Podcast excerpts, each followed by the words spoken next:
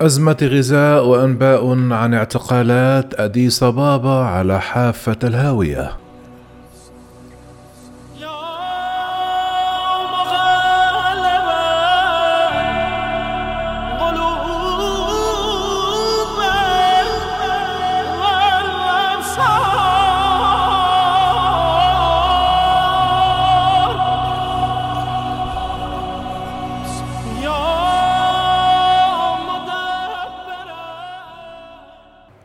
بعد قرابة عام من الصراع الطاحن في شمال إثيوبيا شق آلاف من مقاتلي أطراف المعارضة هذا الأسبوع طريقهم إلى العاصمة الأثيوبية أديس أبابا واستقروا فقط على بعد 200 ميل مما دفع سكان المنطقة إلى الاستعداد لاحتمال وصول الحرب قريبا إلى عتبات منازلهم.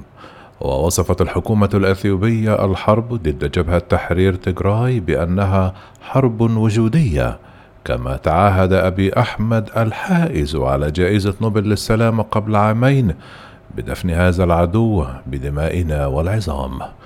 قال أبي أحمد يوم السبت أن أديس أبابا يجب أن تكون مستعدة لتقديم تضحيات من أجل إنقاذ البلاد كتب في رسالة قصيرة على تويتر هناك تضحيات يجب تقديمها لكن هذه التضحيات ستنقذ أثيوبيا. كما أضاف واجهنا المحن والعقبات وهذا جعلنا أقوى لدينا حلفاء أكثر من الذين انقلبوا علينا. تأتي هذه التصريحات غداة إعلان تحالف من تسع مجموعات متمردة من مختلف المناطق والأعراق في إثيوبيا. وتهدف هذه الجبهة الموحدة إلى قلب نظام أبي أحمد وفق إعلام ممثل الجبهة برهان جبر خريستون عند توقيع هذا التحالف في واشنطن. في نهاية الأسبوع الماضي أعلنت جبهة تحرير تيغراي استيلائها على بلدتين استراتيجيتين في منطقة أمهارا حيث تقدم مقاتلوها بعد استعادة معقلهم تيغراي في يونيو. قالت جبهة تحرير شعب تجراي أنها وصلت إلى منطقة كيميسي وهي على بعد 325 كيلومترا شمال العاصمة أديس أبابا حيث انضمت إلى جيش تحرير أورومو المجموعة المسلحة لإثنية أورومو ولم تستبعد المنظمتان الزحف إلى أديس أبابا. وبسبب هذه التطورات أعلن أبي أحمد حالة الطوارئ التي تسمح بتجنيد أي مواطن في سن التجنيد ودعا عمدة العاصمة السكان إلى حمل السلاح لتأمين أحيائهم كما طلب الجيش من قدام المحاربين إعادة الالتحاق بالخدمة. شرعت الشرطة في أديس أبابا في الذهاب من باب إلى باب للبحث عن أهالي تجراي الذين قد يكونوا متعاطفين مع المعارضة. أولا ميكسلون البالغة من العمر ثلاثون عاما هربت من إقليم تجراي إلى أديس أبابا مع بدء الحرب. قالت لصحيفة واشنطن بوست إذا سمعني أحد أتحدث اللغة التجرينية سيتصل بالشرطة وسيتم اعتقالي على الفور. كما أكد سكان من عرقية تجراي أن تحركات الشرطة الأخيرة أدت إلى تدمير أي إحساس بالأمان في المدينة ودفعت معظمهم إلى الاختباء.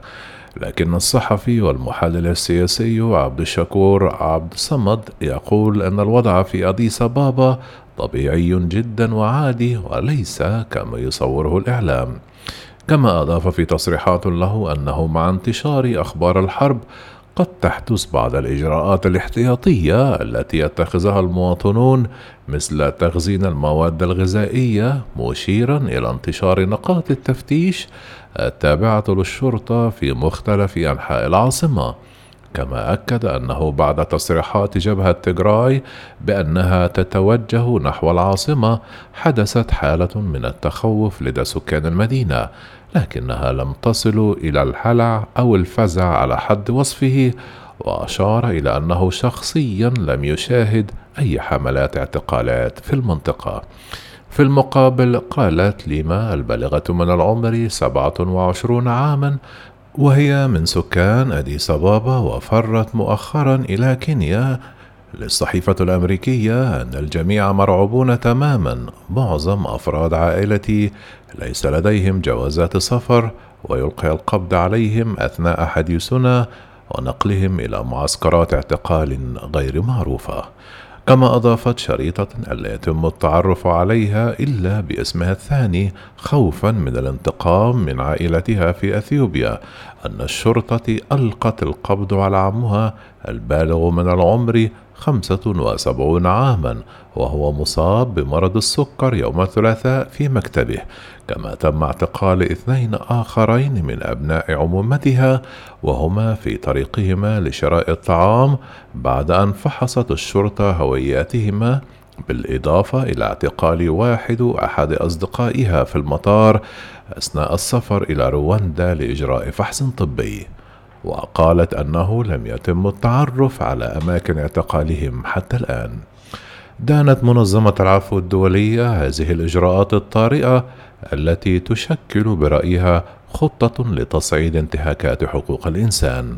كما قال محامون لوكالة فرانس بريس أن ألف من التجراي اعتقلوا منذ الثلاثاء بينما تؤكد السلطات أنها لا تستهدف سوى أنصار جبهة تحرير شعب تجراي.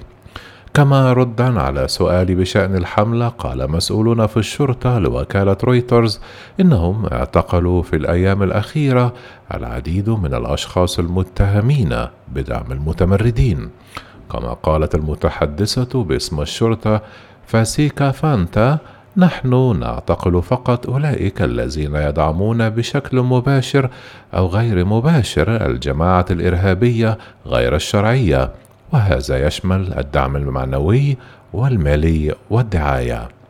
تفاقم الخلافات العرقية وقد سلقت الحملة القمعية الضوء على الطبيعة العرقية للحرب بشكل متزايد وذلك بحسب الصحيفة الأمريكية.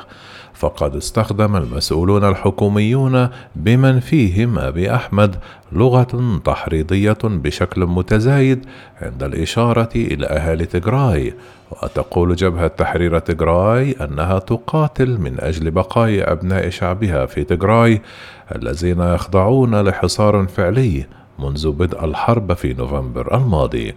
تفاقمت الخلافات العرقية على شبكات التواصل الاجتماعي حيث تنتشر الخطب الحربية والدعوات إلى الكراهية كما أعلن موقع تويتر السبت أنه عطل مؤقتا في إثيوبيا زاوية الموضوعات المتداولة التي تضم أكثر التغريدات انتشارا حول موضوع ما بسبب التهديد الوشيك بحدوث اعتداءات جسدية.